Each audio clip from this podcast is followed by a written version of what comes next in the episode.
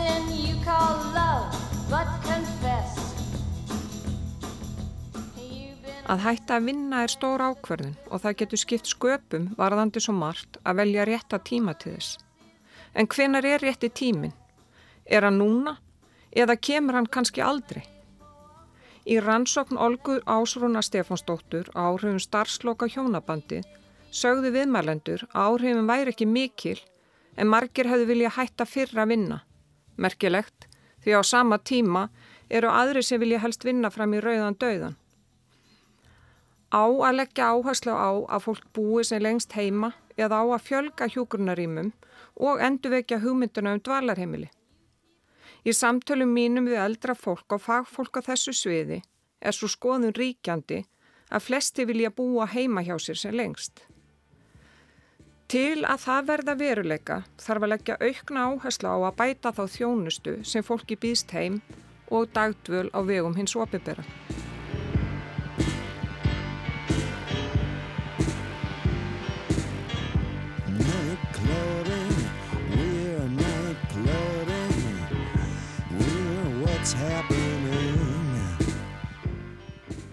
Sællustandi góður.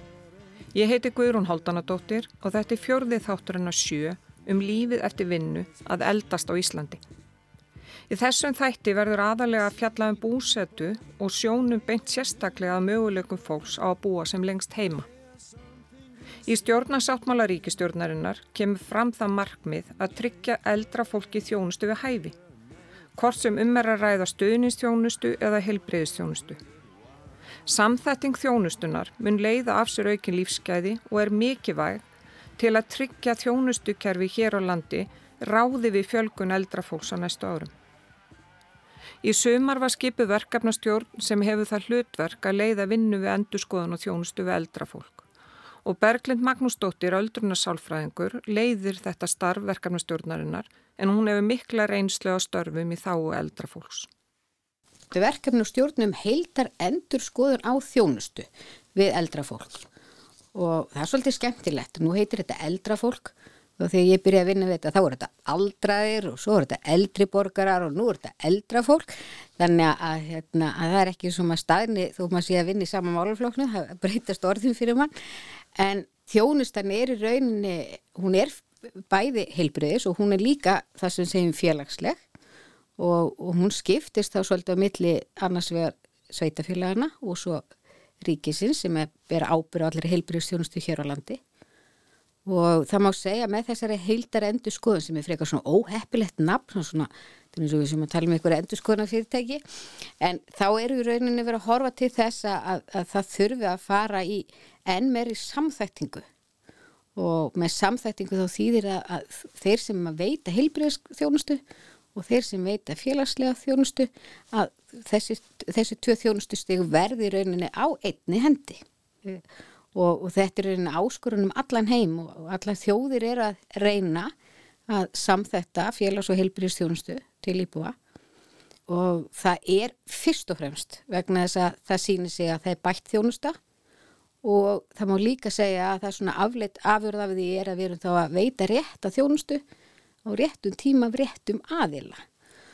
Og það er nefnilega svolítið mikilvægt þegar við erum að tala um eldra fólk að það er líka svo hættulegt á ofþjónusta og við þekkjum alveg hér á landi að, að við vorum mikið að bera okkur saman við Norðurlöndin og önnur lönd.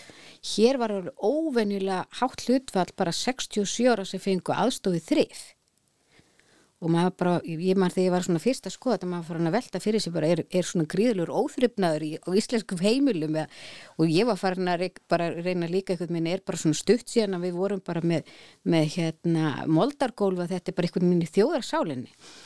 En hérna þetta var löngu liðin tíði í Rorðurlöndunum og með svona samþættingunum þá hefur líka orðið eitthvað með einn svona vitundavakningu um að mikilvæg þess að fólk haldi færni sína. Og það að e, sjá um heimilisitt er bara líka heilsurækt og virkni og, og það reynir á hugan og það reynir á allt og það er það sem við vitum í dag. Að heilbreyð öldrun hún snýst um að halda sem mestu öllu því sem við getum. Og það snýst líka um að þurka af. Verkefnastjórninni er ætlað að skila aðgerra áætlun til fjögur ára sem verður lögð fram á alþingi. Það má segja að þessi aðgerra áætlun hún á að vera tilbúin í samráðskáttina eða þess að tillög aðinni núna bara í desember. Svo tíminn er skammur og það segir sig að það er þessi hópur sem ég er verkefnustjóri fyrir, hann er ekki að fara að finna upp neinn hjól eða gramsi í einhverjum grunngögnum. E, það liggja fyrir gríðarlega mikið af góðum gögnum vinnuhópar á vegum í rauninni þeirra ráðunita sem koma að þessu félags og vinnumarkas heilbriðis og frá fjármálaráðunitinu uh, og síðan náttúrulega samband íslenska sveitafjöla og landsamband eldriborgara og þessi gögn í rauninni hafa mörg hver verið með tillögur eða aðgerðir og annað. Og við erum í rauninni okkar svolítið er að, að svona, skoða þetta og, og sjá svona hver er rauði þráðurinn. Það gleðilega er að þetta eru rauninni bara svipar eða sömu áherslur. Og þannig það má segja að það er ekki mikla svona áskorunir því að finna einhverja leið úr, út úr þessu. Það er í raunin þessi samþætting sem að verði svona tróna allstaðar efst og, og verkefni verkefnustjórnunar er þá að gera aðgerðir. Það er rétt hjá það eru til fjóra ára og það er kannski hugsað þannig að þegar maður ætlar að breyta þá verður maður aðeins að prófa sáfram og líka aðeins að leifa kerfinu, þjónustu aðlum aðeins að fá svolítið að, að máta sig. Og það er ekkert verra heldur en einhverja ákvörðum sem er tekjunum einhverja mikla stefnubreitingu og svo er það bara, sem maður segir, tróðu ofan í kokið á sveitafélögum eða helbriðstofnunum. Þannig að, að með því að gera til fjagra ára þá er svona hugmyndi líka svo hjá verkefnustjórnina kannski að fari ákveðin svona þróunaverkefni að svæði kannski svona sveitafélag og heilbyrjastofnunir á einhverju tilteknu svæðarlandinu svona ákveð, heyrðu við ætlum að prófa samþættingu við ætlum í rauninni að láta alla þjónustuna vera frá hvað ég var að segja, þessu hjúkurneimili sem eru á staðnum eða við ætlum að all þjónustan komi frá sveitafélaginu e, það er kannski svona bara hvað hendar á hverjum stað.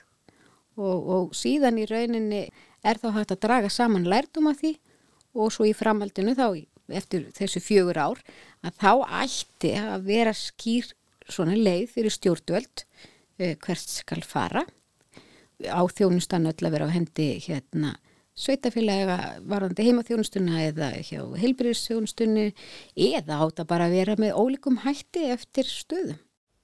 Haldur S. Guðmundsson, dósent við Háskóla Íslands, leggur til í skýslu sinni virðing og reist samþætt heilbreyðs og félagsþjónusta við eldra fólk að stopna verði ráðuneyti aldraðara. Tiláma nú, nummer eitt var kannski að stopna ráðuneyti en tiláma nummer tvö var að einhverjum ráð þeirra tæki sér títilinn málefni aldraðara inn í málflokki. Það eru auðvitað sko bæði kostur og gallar.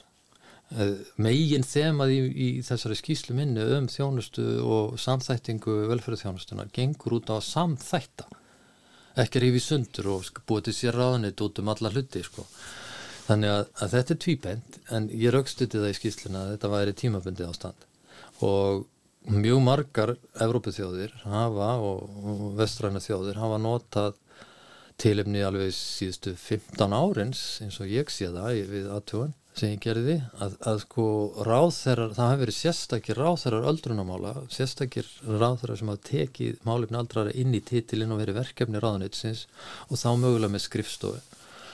Og ég sá þetta líka sem eitt af því sem þurfti að hafa orð á til þess að við færum virkilega að hugsa um það við þurftum að samþætta líkil þætti í því sem við erum að gera. Það eru margt í okkar umgjörð er einhvern veginn þannig að eh, við erum búin að lýsa því hvað við, hvaða tegund af þjónust og hvað stopnarnir eiga að gera og hvert hlutverk þeirra er og einstakra starfsmanna jáfnvel og þarf að mynda gott ánum við hefum ekki verið jafndögulega að búa til lýsingar og lagaverk sem segir hvaða einstaklingurinn á rétt á og hverjar skildur einstaklingurinn hefur. Það er hlut af því sem þarf að gera varðandi málefni eldrafólks, ekkert síður heldur en annara. Það er að setja niður lýsingar á því hvaða vendingar við erum með til hópsins og hvaða vendingar hann getur gert til þeirra stuðnings og þjónustu sem að samfélagi veitur honum.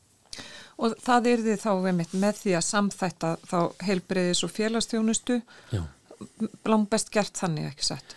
Jú, það er sko, auðvitað eru mismunandi útgáður af þessu, það hefur verið gert, sumstar er þetta gert á fylgisplani eða sveitafélagplani eða ríkisplani, en, en sko það er í raun og verið þannig að maður sér fyrir sér að þú komir inn á hvort sem það heitir heilsugjastöð eða einhverja miðstöð velferðar miðstöð í hverju sveitafélagi eða samfélagi hverfi að þá sérstu með samþætt að þjónustu. Eh, hvort sem þú ert að fara að byggja um heimaþjónustu, heimahjógrun eða hvað það er eða, eða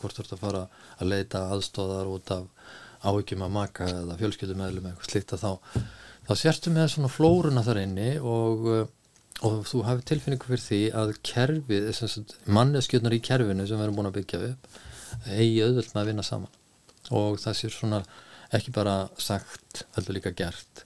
Og við fáum fleiri dæmi heldur en færri í fjölumöðlum þar sem við erum að segja frá líka velukkuðund dæmum af því hvernig þjónustunni veit en, en ekki bara hryllingsugurnar um fráflæðisvanda eða, eða byggðlista eða, eða hvað heitir Er þetta þá í rauninni, með þetta er bara það sem að þú ert kannski að tala fyrir er að við hættum að bítast um hlutina, Já. vinnum þetta saman, Já. tökum saman að okkur þetta verkefni, Já. að búa vel að fólki. Já, og sílóin okkar, þá er ég að meina hvort það heitir stjórnmálin eða stopnarnar eða enga eða ofinber eða sveitafélag eða ríki.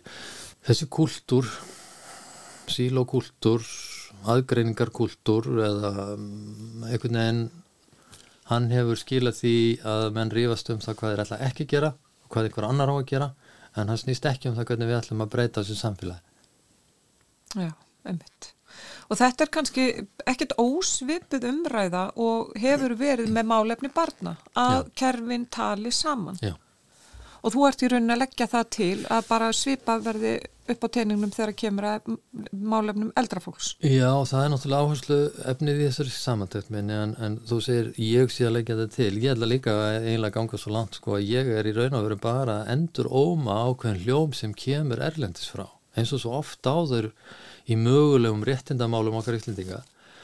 Í þessu tilfelli þá er það saminuð þjóðunar og allþjóð heilbyrðismálstofnunni og Íslendingar eru aðilar af þessu kerfi, þessu samstarfi sem kemst að þeirri niðurstöðu eftir ítrekka rannsóknir víða í heiminu að samfjölu heimsins standi frammi fyrir verulegum vanda að öllu óbreyttu hvert eldra fólki, ekkit bara á Ísland heldur mjög víða og það eru listaður uppræðleikingar og ég var bara svo heppin að vera að beða um að taka skýslu og þetta lág fyrir þannig að ég svona aðlaðan að íslenskum aðstæðum eða maður getur orðað að þannig Flestir vilja búa sér lengst heima en til þess þarf að tryggja öryggi og sérhæða þjónustu heim til fólks.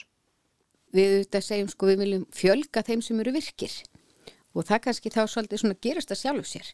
Ef okkur tekst að hjálpa fólki og, og hveti fólk til að halda virknisinni að þá í rauninni dregur það úr þörfinni til að fara inn á hjúkuruna heimili eða senkar því. Og það er það sem við og allar aðra þjóði viljum sjá. Fólk vill vera heima en það vill, vill líka vera örugt og, það, og aðstændur vilja líka að það sé örugt og þar að leiðandi er það ofta mjög góður kostur að fara inn á hjúkurinu heimili en við viljum í rauninu að það sé líka góður kostur að geta verið lengur heima og, og það er ekki svo að sé verið að tala um að hérna að við viljum ekki sjá hjúkurinn heimili, við vitum að það er alltaf þörf fyrir þeim. Kanski má segja við sjáum líka að þau hafa kannski verið að, svolítið að breytast. Margir talum að þetta verði svona líknar heimili, ég veit það ekki, ég held að verði alltaf þörf á hjúkurnarímum. En við getum gert betur með góðri heimaþjónustu og, og það þarf samt til meira heldur um bara hjúgrunafræðingur og sjúgraliðar og, og starfsfólk og sveitafélag sem fyrir heim. Við þurfum líka alveg að viðkynna það að það þarf sérhæfða þjónustu líka heim til fólks. Og, og það veit ég eins og Reykjavík borg hefur að þróa með svo kallið selmu teimi því þar ertu komið með læknana og þar ertu komið með í rauninni svona sérhæfðari heilbríðstjónustu inn á heimilið. Margret Guðnadóttir, verkefnastjóri hjá Reykjavík borg segir okkur nánar frá selmu og eftir Eitt megin stefið í umræðum heilbreyðismál, ekki bara hér á landi, heldur nánast allstaðar, er skortur á fagmentuðu fólki, svo sem læknum og hjúknafræðingum. Svo er staðan ólíka millir landsveða. Á sama tíma er talað um fjársvelt heilbreyðiskerfi. Er sama sem merki þarna á milli? Auðvitað hjálpa peningar alltaf alveg heilmikið. En þeir til dæmis hérna, skapa ekki flokk hjúgrunafræðinga 1, 4 og 3 þó að það myndi eflust hjálpa. Ég held að, að það sem að þurfi líka að gera að það þarf bara svolítið að skoða betur hvernig erum við að nýta fjármagnin og við þurfum bara að viðkenna að við þurfum til dæmis að nýta það núna mjög rætt í að innlega tækni lausnir, velferðartækni vegna þess að það er einn leið sem að akkurat eins og þú segir kannski fyrir þau svæði sem skortur eru heilbriðstarfsfólki getur skipt bara miklu máli. E, við þurfum líka að hugsa til þess að heima hjúgrun eða heilbriðstjónustu í heimaþjónustu er ekki bara samansetta hjúgrunafræðingum og sjúkralöfum Við þurfum í rauninni að fara að hugsa um hvað aðrar fagstittir e, geta komið inn í þessu þjónustu og, og, og, hérna, og við þurfum í rauninni í þessu sem á svo mörgu öðru kannski fyrst og fremst að vera svolítið skapandi. Og það hefur skort á.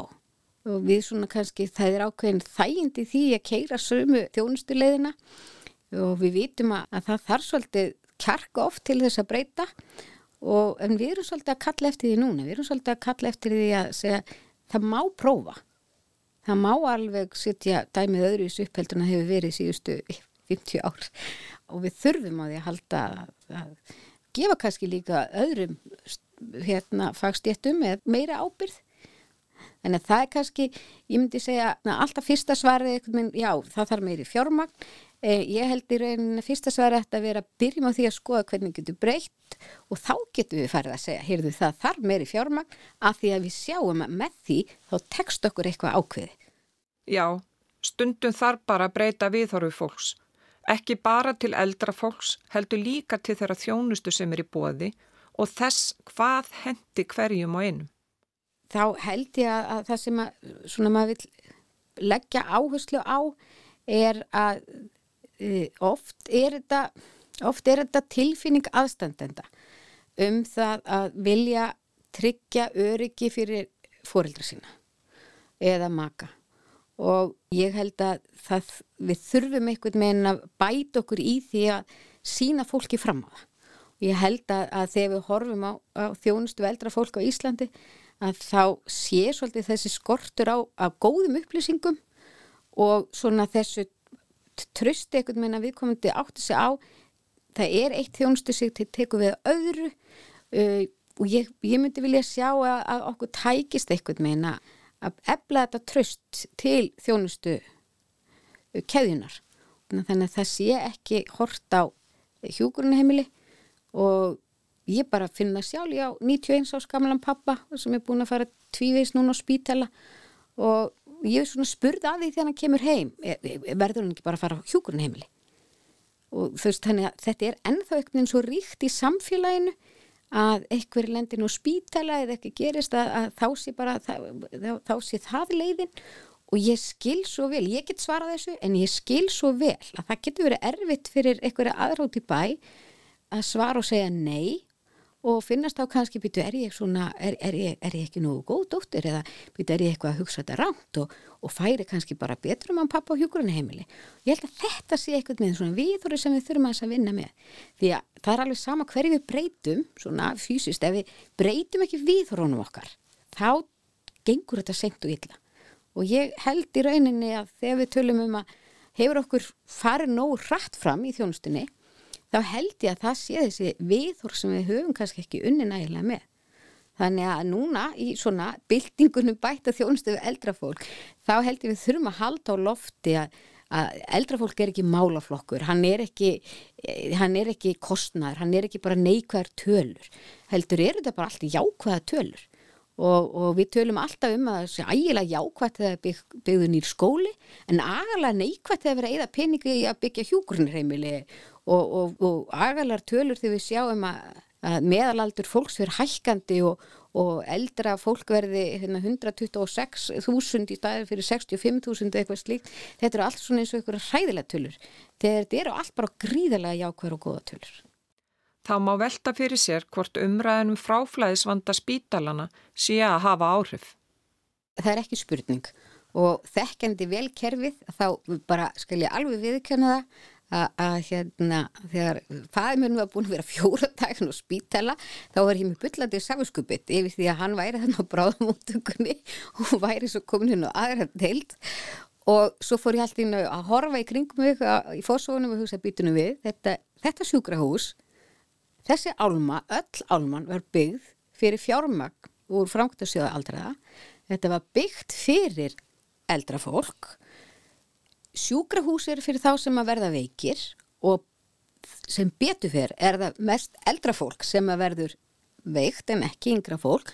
Og ég hugsa að það er einhver vill að í þessari hugsun að jafnvel ég sem er samviskupið að pappi sé á spítala þegar hann er raunverulega veikur að því að mér fannst þannig eins og hann geti bara verið fyrir. En, en þetta er líka eitthvað svona, þetta er eitthvað svona kervis hugsun að vill að hjá okkur. Því við viljum að þeir sem eru veiki sé á spítala. Og það er í rauninni oftast á svona síðustu átjónmáluði lífsins eða já, að, að þá þartu meira á, á helbriðstjónustu sjúkrahús að halda. Everything up to that point had been left unresolved Try imagining a place where it's always safe and warm Come in, she said, I'll give you shelter from the storm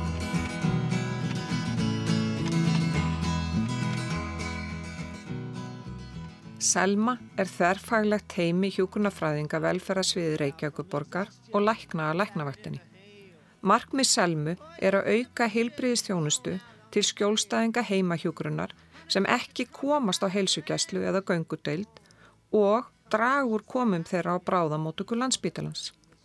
Nafnið Selma er skamstöfum fyrir enguna orð sem þjónustan vilt standa undir. Samþætt samvinna, endurmatt, læknistjónusta meðferð og aðhlynning. Margret Guðnadóttir, hjókunafræðingur, hefur leitt innleiðingu selmuverkefnisins hjá Reykjavíkuborg. Selma, um, hún á sér töluverðan aðdraganda þó að það hafi kannski gerst með hraði þegar það kom að því að þá var búið að vera í, í fjölda mörg ár þá fundu við fyrir því við sem hefum starfað innan heimahjókurunar að það var uh, hafi myndast töluverð gjá á milli hjúgrunar þjónustu og læknistjónustu utan stopnana.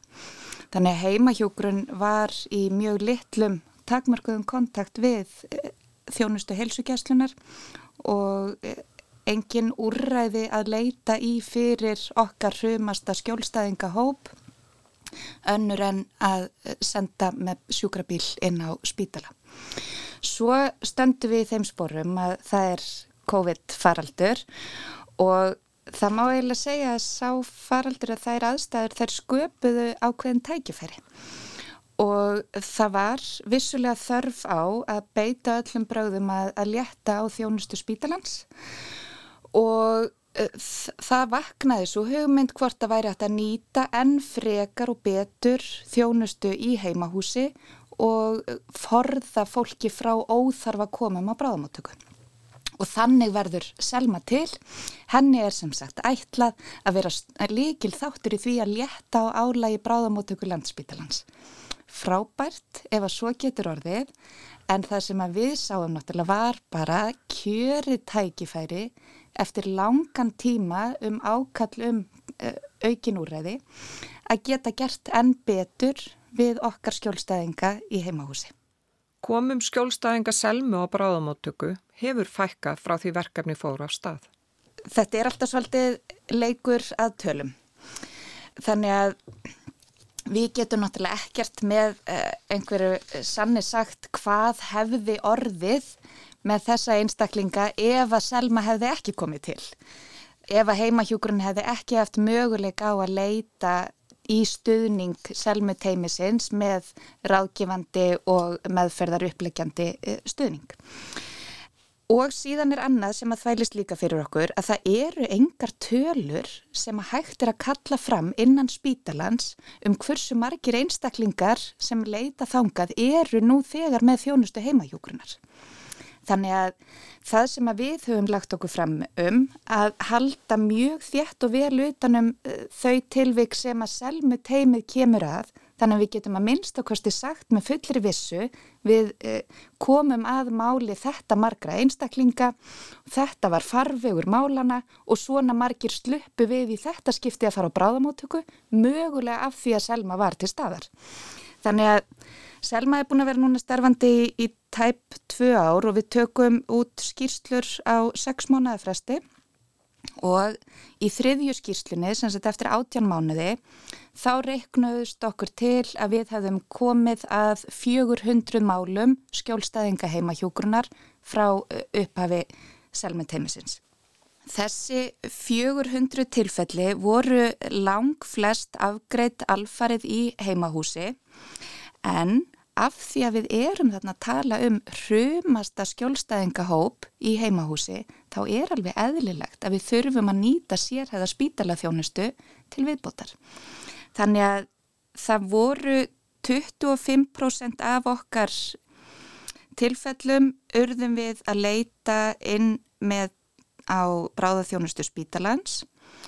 Þannig að það er vissulega uh, sínir alvarleika veikinda þessara einstaklinga og það sem að styrkir okkur í því að af þessum einstaklingum sem að við sendum inn í uppfinnslu á bráðamóttöku þá þurftu yfir 80% þeirra á lengri legu að halda í sérhæðri meðferð spítalans og það er eitthvað sem við viljum náttúrulega alls ekki komið veg fyrir. Við viljum absolutt að þeir sem að hafi þörf fyrir spítalaþjónustu fái hana.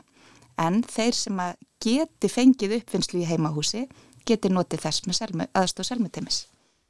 Aðeins 10% skjólstæðinga heimahjókurinnar þurfa meiri þjónustu en hún getur auðveldlega veitt. Málið er að þetta er ekkit endilega svo rosalega stór hópur sem að þarf svona sérhæða þjónustu sérhæða aðkomi selmeteimisins. Við hefum oft geta reiknað út þessi viðkvæmu 10% skjólstæðingana. Þannig að aðkoma selmu að málum heimahjúgrunar hefur verið um það byl 10% af skjólstæðinga fjölda heimahjúgrunar og uh, þannig að þetta eru veist, um tæplega 300 einstaklingar á ári sem við erum að, að koma að. En þetta eru mál sem er oft gríðarlega umfangsmikil í fangi eh, heimaþjónustunar taka orgu og tíma og uh, þurfa svona nærgætni og, og alúð. Og, og þetta eru málinn sem við viljum styðja við styðja heimahjúkurinn til þess að geta synd veikara fólki lengur og betur heima við þannig að öllum líði betur með dagana. Þjónusta selmu er í bóði 12 tíma á dag frá 8. morgni til 8. kvöldi. Á þeim tæpu tveimur árum sem teimi hefur starfað hafa bæst við skjólstæðingar sem ekki eru orðni 67 ára en eiga um leið eftir að ná þeim aldrei síðar með góðri hjálp frá starfsfólki Selmu og annara. Selmu var upphaflega fyrst og fremst ætlað að vera stuðningur við eh, eldri borgara en síðan er það sko rumleiki spyr ekkert alltaf um aldur og öll þau svona afmörkuðu mál sem að Selma kom að voru ekkert endilega eh, fólk aldrei en 67 ára. Það var bara fólk sem að þurfti aðstóð, var fast heima og komst ekki á heilsugjæslinu komst ekki á göngudeildir og, og þurfti viðbrögð meðferðaræðila og þá oft ymitt vegna uh, síkinga eða, eða annars kunnar vandamála. En síðan er það ymitt þessi þessi þungu segfljótandi mál sem að litast af svona félagslegum aðstæðum og fátækt og, og bara öllum svona markbreytileika lífsins. Og að þar finnum við vannmátt kervisins að takast á við markvissan stuðning við fólk sem að einmitt sinnir ekki sínum endurkomum á göngudeldir hjá sérfræðingum og, og er í lausulofti án meðferðar og, og heima þjónustan með veikum mætti að reyna að styðja við daglegt líf þess einstaklings. Þannig að þar sáum við tækifæri að kalla borðinu í nokkrum tilvikum uh, meðferðaræðila hvaðan æfa úr kerfinu, kalla til leikilæðila innan heilsugjæslu þjónustunar, innan landsbítala þjónustunar, ímsa um, sérfræðinga af göngudeldum, við höfum verið í samskiptum með borgarleikni í þeim atriðum sem að þar þarf á að halda og laurugluna ef að, ef að því byrja að skipta.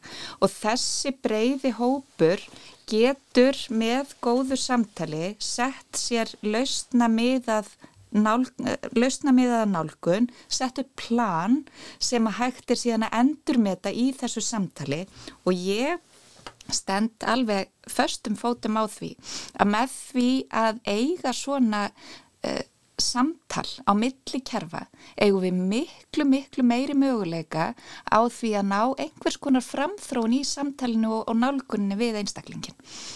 Þannig að við höldum ótriða fram þar.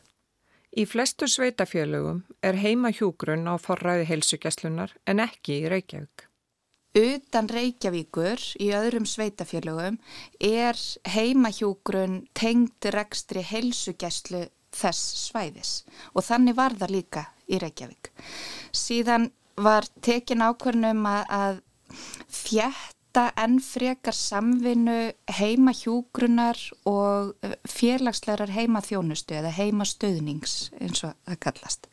Og það var gert á með þeim hætti að Reykjavíkuborg yfirtók rekstur heima hjúgrunar til þess að gera mögulegt auki samstarf milli heima hjúgrunar og heima þjónustu. En fyrir vikið að þá skapast þessi gjá milli heimahjógrunar og heilsugjæslu þjónustunar og það er það sem við þurfum að vinna upp innan Reykjavíkuborgar og það finnum við að er mögulegt með þessari auknu samvinnu og aukna samtali milli kjærfana. Þannig að við sjáum það mjög augljóst ef við horfum bara á nærleikjandi sveitafélag höfuborgarsvæðisins að, að félagslega heimaþjónusta er í mjög mismiklum samskiptum við grunn heimahjúgrunna og sem að er uh, slæmt að því leiti til að því að þessi þjónusta félags og hjúgrunnar er í grunninn að sinna sama fólkinu sömu einstaklingunum. Starfsfólk þessara mismennandi kerfa er inn á sömu heimilunum og það er náttúrulega bara eh, verður manni svo augljóst þegar þú hugsaður það þannig að ef að starfsfólk sem er að sinna sömu einstaklingum sama, inn á sama heimili í samskonar verkefnum jáfnvel, styðja við og styrkja daglegt líf, hrumra einstaklinga, ef að það starfsfólk er ekki í samskiptum og samvinnu, að þá náttúrulega dettur botnin úr þessari samfellu í nálgun við einstaklingin. Þannig að við njótum þess innan Reykjavíkur að hafa þá þjættu samvinnu. En þá eru bara aðrar áskoranir fyrir vikið eins og með helsugjastlu sem við erum þá að vinna í núna. Selma sinnir elsta og veikast á hópnum sem býr enn heima. Væri kannski betra ef það væri samvinn á landsvísu um slíka þjónustu?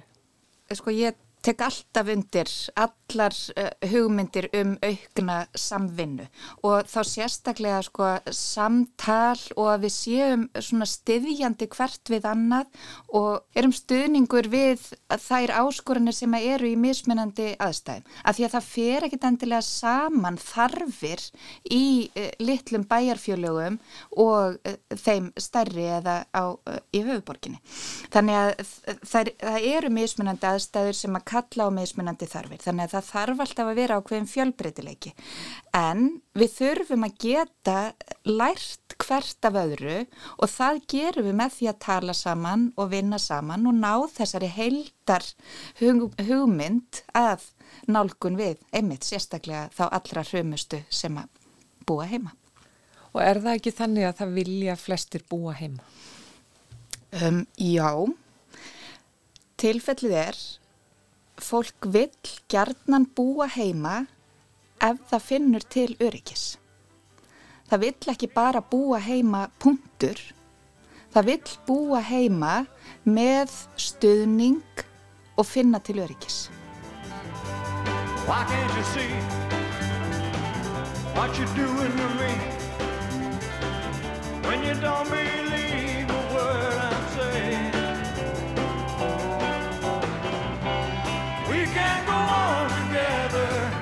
with suspicious minds And we can't build our dreams on suspicious minds So let's put our friend Í flestum stærri sveitafjölugum er möguleikja dagdvöl en dagdvöl er tímabundi stuðningsúrraði við aldraða sem búa í heimahúsum.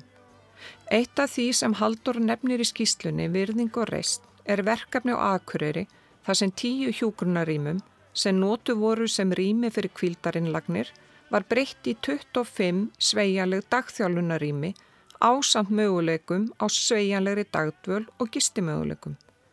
Með þessum hætti er hægt að senka því að fólk þurfa að flytja á hjókunaheimili.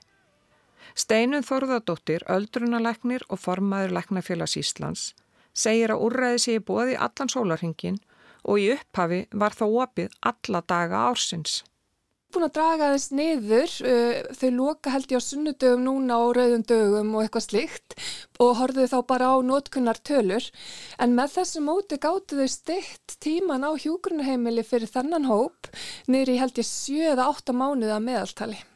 Þannig að það fólk sem að nöyt þessa úrraðis, þessara sveigalegu dagþjálfur og það sem hægt er að gista, að það fólk náði að búa töluvert lengur heima og þetta er auðvitað ódýrara þjónustustig. Þannig að við erum mikið að horfa til þess að bæta í bæði dagþjálfuninnar er mitt og þetta sveigalega úrræði með möguleika á gistingur auðvitað frábært.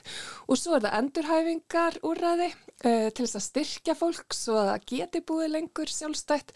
Svo er það forvarninnar að við höldumst lengur við betri helsu bara yfir höfuð. Það er alls konar svona þættir sem er hægt að gefa í og að mínum að þetta spara í þessum dýru þungu úrræðum eins og hjókrunarheimilunum og hvað þá bráðasjúkrahúsplássunum. Þannig að þó við leggjum töluvert mikið meiri fjármunni í þessi þjónustu stygg sem eru framar í keðjunni, þá ættum við samt að koma út í plús. Þannig að þetta þarf ekki einu sinna verðan einn peningahít sem ég veit að er það sem, sem margir eru hrætti við. Og ég held að sko við þurfum bara kjark og þúr til þess að fara í bara stórfældar fjárfestingar í ódýrari úrraðum og það mun alveg þurfa kjark og þúr til þess vegna að það mun kosta. En við munum setja uppi með miklu betra og ódýrara kerfi til framtíðar og líka bara framtíðar heldara kerfi. Vegna að við erum bara stefni algjört óefni að við ætlum ekkert að fara að hugsa hlutina öðruvísi. Vegna þess að okkur er einmitt eins og ég segja að fjölga svo gríðarlega í þessum eldstu aldursópum og ég veit ekki, það var búið að reikna út hvað við þurftum að hérna, bæta við mörgum hjúkunarímum á ári að við ætlum að gera allt bara eins. Og það er einhver ógnvekjandi tala sem ég, get ekki haft eftir en það er allavega enga veginn sjálfbært og við verðum að fara að gera þetta núna vegna þess að vandin er orðin yfir þyrmandi nú þegar og, og hann mun ekki minka nema við fyrir að hugsa á eitthvað nýjan hátt. Rekstur, dvalar og hjúkurunaheimila verður sérstaklega reddur í sjötta þættinum um lífið eftir vinnu en hann er á daskra á eftir tvær vikur. Olga Áshrún Stefánsdóttir, fjölskylduráðgjafi, rannsakaði starfslokk hjóna í mistaraprósverkefni sínu fyrir nokkurum árum. Verkefni nefnist farsæld og frelsi, reynsla hjóna af starfslokkum. Sagan og bakvið það var að ég var búin að vinna lengi með uh, eldri borgurum á Akureyri og það sem ég rægt tvær var fórstuðum að það eru tveim félagsmiðstöðum og var rægt dagþjónustu fyrir uh, eldra fólk í annari þeirra og það sem að fólk var að koma í þjónustu yfir daginn. Og þar var stundum í þjónustu hjón uh, eða annað þjóna þannig maður var alltaf varfið sko, þessi tengsl á milliðra en ég fór að velta fyrir mér að því að mér fannst það komið upp svo alls konar fjölskyldu aðstæður sem að voru svo flóknar. Bara bæði sagt varðandi hjónin milli þeirra og milli fullorðniðina barna og annað svo ég hugsaði ég þarf að ná mér einhverja mentun meira. Ég þarf eitthvað, mér langaði eitthvað að kafa meira inn í þetta svo ég ákvaða að fara í námi fjölskyldu meðferð til þess að læra bara meir um fjölskyldur og, og annað. Þannig að og gerði það svo og út frá því spannst sagt, þetta mistarverkefni þar sem ég ákvaða taka eldri borgarana og skoða vegna þess að það var mjög lítið kent um öldrun í þessu námi sem kom mér verulega óvart.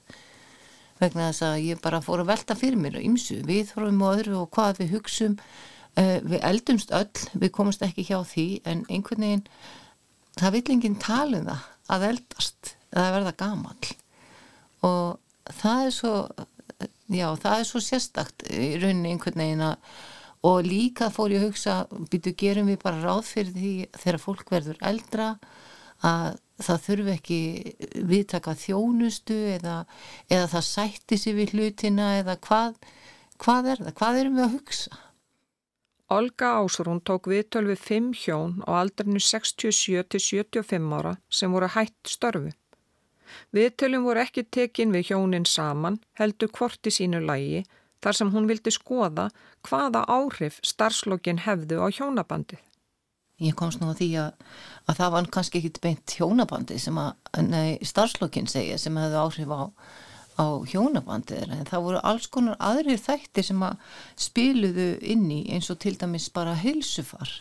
En ég komst líka að því í rauninni að starfslokk eru meira einstaklingsferli heldur en sameigilega ferð en það sem kannski var sérstakt í minnir ásótt var að þessi hjón sem ég tók viðtal við þau voru búin að vera gift í svo rosalega mörg ár.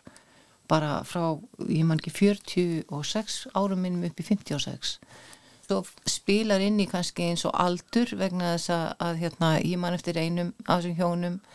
Ég man að maðurinn hann var sko á þannig samning að hann hefði getað hægt 60 en konan hans, hún var ekki á sama samning og hann, en hann einhvern veginn hafði ekki samvinsku til að hætta. Þannig hann beigði í rauninni eftir konu og beigði einhver sjö ár og eftir að hætta. Og ég spurði svo alltaf í restina ef þú er að fara í starfslokk núna hvað myndur þú gera öðruvísi? Og það var bara held ég undantekningalöst að sögðu ég myndi hætta fyrr. Já, var það svarið hjá bara fólki almennt? Já, bara að það tækifæri til þess og það sem var líka kannski sérstætt var að það er eins og kallmenninni þeir undirbyggu sér öðruvísi. Þeir þurftu meiri aðlöna tíma þeir þurftu meira svona að fá að, að minga vinnuna vinna kannski halvan daginn í einhvern tíma eins og eitt sagði fannst það mjög gott, hann var svona yfirmaður og hann vildi líka fá að sjá sko að, að og kannski er þetta eitthvað hefur þetta eitthvað með kynnslóðir að gera, ég veit það ekki en að hann vildi sjá að það sem hann var búin að skila inn eh, sko að hann geti svona setta í hendurnar á einhverjum öðrum og það einhvern veginn svona heldi áfram, kannski bara æfistarfið einhvern veginn að átta sig á því og líka eins og hann sagði, það líka vennjast í að fara að vera heima með konni minni allan daginn sem að, sem að líka, það var svolítið áskorun þú veist, því að fólki, þú veist, sem að var kannski fullir í vinnu og hittist bara á loknu vinnudegi að fara allt einu að vera bara saman allan sólarhengin fyrir mörgum og kannski þessari kynslu sem ég tók vitul við þá er þau kannski að þeirri kynslu það sem að var þessi digða að vinna og kannski meira var það að kallmaðurinn væri fyrir vinnan af því að konunnar það er undirbyggur sér öðruvísi. Það er veistust að vera búin að hugsa þetta sko fyrr kannski og er einhvern veginn svona ákvaða bara dag ég ætla að hætta þarna og er hættu bara bara sér svona. Þetta reynist mörgum svona erfitt að stíga þetta skref mm -hmm. og alls konar svona erfiðar kannski spurningar sem fólk stendur frammi fyrir á þessum tímamóndum mm. Var, voru þínu viðmælendur upplöðu þeir vannlíðan? Ekki kannski í tengslum við stafslokkin, heldur var það meira svona, sko þegar þeir voru svo eins og þessi maður, þegar þeir voru svo búin að ná þessum takti, þessari raunin sem ég vil kalla svolítið bara að endur skilgreina sig ok, nú er ég hægt að vinna. Hvað ætlaði þá að gera það, hvernig? Og ég satt er skemmtilega sögu það sem að einn vinkonu mín sem ég hitti eftir margra ára uh, viðskilna, þá hittust við hérna uh, á förnum vegi fyrir nokkrum árum og, og ákvæmum að setjast niður og fá okkur að borða í hátdöginu og þar sem við sitjum hérna það saman, svona sikur megin við borðið, þá segir hún við mig Olga, hvað ætlað þú að gera þegar þú hættir að vinna? Og ég horfði á hana alveg stórum ögum og sagði uh, Er þetta að meina í dag klukkan 5? Og hún sagði nei, ég er að meina þegar þú hættir að vinna. Og ég hugsaði með mér, veist, það er örglega svona fjögur á síðan þetta var og ég fór að telja í hugan, býti hvað ég gumun, hvað ég mörg ár eftir, hvað ætla ég að gera? Og ég hafði einhvern veginn aldrei hugsað þetta þú veist, og, og verandi búin að gera þessa rannsókn en hafði aldrei sett mig einhvern veginn í samhengi við að fara að hugsa um þetta talandum eins og þau tala um líki rannsókn að maður þurfum að undibúa sig. Og það er ímislega sem að þarf að skipulegja bara, þú veist, kannski fjármál og, og, og fullt af þættum lífeyris hérna, réttindi og, annað. Þannig ég er búin að hugsa um það allar göttu síðan ok, hvað ætla ég að gera þegar ég hætti að vinna? Og ég held til dæmis að við þurfum að taka þetta upp miklu fyrr með fólki eins og þau sögðu að sko bara eftir 50 þá þarf fólk virkilega að fara að hugsa um þetta, ekki setna en það. Þannig að þú vitir hvernig hún stendur fjárhagslega og að gera bara ráðstafanir. Já, þetta líka eins og ég segi, þú veist að hafa til einhvers að hverfa, þú veist að bara hvar vil maður vera, þú veist, margir búa í, í stórum húsum til dæmis, þú veist, allar, allar að halda út í stórum eignum eða, eða vildu eh, minka eða, já, hvernig vildu bara rauninni njóta þessara ára eða hefur tækifæri til þess að, að gera það eða, eða viljum við vinna alveg bara þanga til að við verðum áttræð.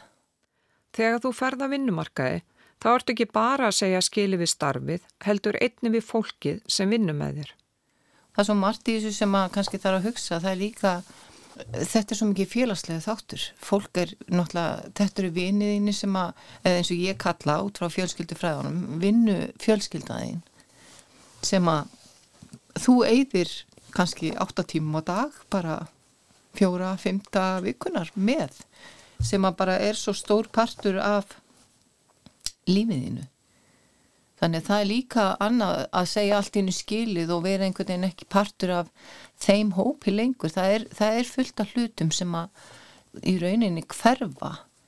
Ekki bara kannski það að þetta hlutverk hverfur að vera sem vinnandi maður eða kona. Þú veist á út á vinnumarkaði. Þetta er fólk að halda áfram einhverju virkni en þetta, þetta skiptir máli.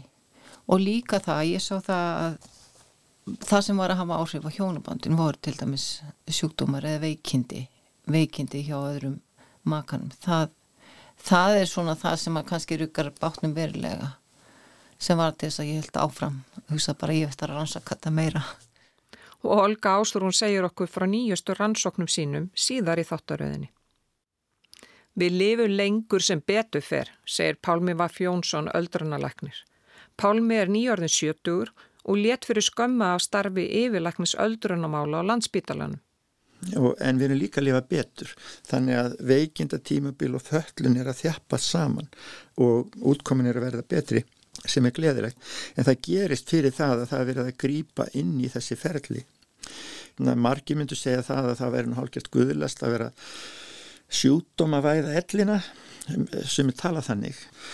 Ég held að það sé beinhörð skinnsemi vegna þess að, að það, sko ef við látum reyka á reyðanum og hugsaum ekki neitt um hilsuna eða lífstílin okkar eða annað að þá kemur það okkur í koll og það fyrir en setna sjáum bara reykingarna til dæmis eða óhúlega áfengisneislu hvernig það fer með fólk og, og fólk tapar árum og ekki, ekki síður bara lífsgæðum og tími föllunar er, er lengri undir þeim kringustæðum.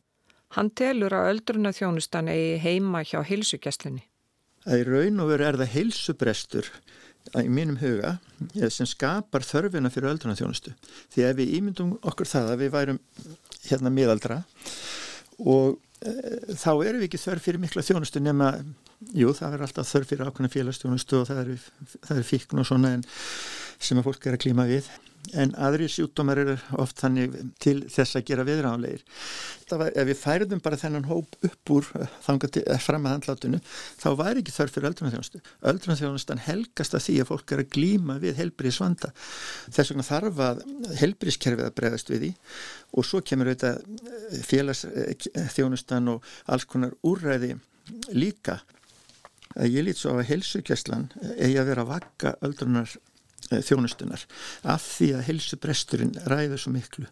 Og við þurfum þess vegna held ég að það sé stort verkefni að vinna í, í heilsugjæslinu að samþætta betur. Og þá nú horfi ég svolítið að höfuborgarsvæðið ég veit þetta er sumuleiti kannski betra út á landi sem staðar að vinna saman og allt þetta. En, en til dæmis er heimajökun, hún er á einum stað en heilsugjæslustöðarnar í, í hverfonum og hvernig er samvinnan á milli. Og svo kemur sérfræði þjónustan inn í þetta líka til þess að ruggla myndina, er sem að segja. En ég held að, að sko og ég, ég veit að það er viljið til þessi hilsukjöflinu að fara að skoða þessa þætti. En ég held að sé að þess virði að nefna það bara að hilsukjöflinu eigi að vera vakkan. En auðvitað koma svo alls konar sérfræði kemur alls konar sérfræði þjónustu inn. En, en svo hérna held ég að við þurfum einmitt að styrkja betur þjónustuna heim, heimahjúgrun og, og ég vildi kannski kalla þetta fyrir eitthvað heima þjónustu helsukjálsunar af því að það er yfirlega í sjá læknana. Ég hef stundum sagt bara til að leggja áherslu á punktin að ef einhver skjólstæðingur, einhver manneskja er í heimahjókrun, þá ætti henn að bera að heimsækja eh, lækninsinn á kannski áttafekna fresti til þess að láta vita eh, hvernig gengur. Og, og hægt er að fara yfir málinn og heimislækninu verið partur af, af dæminu og þá segja á móti ef einhver skjólstæðingur er í heimahjókrun og er ekki ferðafær, þá ætti lækninum að bera að fara í vitjun. Ætti eh, sagt, til þess að vitja þessa einstaklings og geta þá átt samtali við heimahjókrun, ég þó að þau sé ekki á sama stað að vinna saman, nú er teknum þess að ræða saman og horfast í augu jafnvel yfir netið og svo framvegis og ræða, ræða málinn eins og maður væri bara í einn personu þannig að það er þetta að setja teimisvinnun upp þannig en, en, en allir aðalega þurfa að vera virkir. Og þarna þurfum við að gera betur og, og held og það sýnir sig að við erum að verja mun minna fjármagni í samþætta heilbríðsjónustu heim heldur en til dæmis Norðurlöndin. Og það þarf að gera betur í því og skipulegja það og byggja það betur upp. Og, þar, og það myndi haldast í hendur við það að vinna meira í samfélagin í þessu heildrana mati til þess að geta stutt fólk betur og lengur. Það þurfi ekki að dettin og sjúkarósið í kvelli sko heldur uh, setna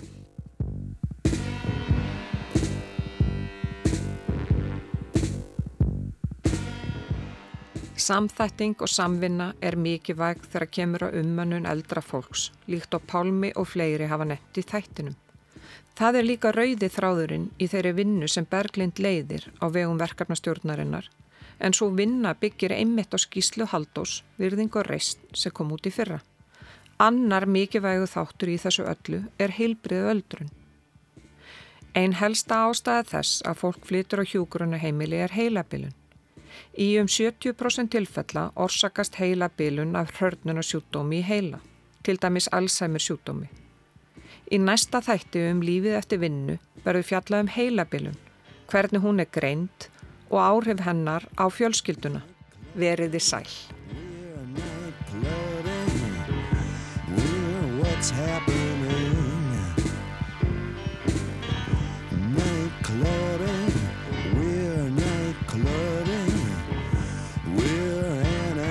Machine. We'll see people, brand new people. There's something to see.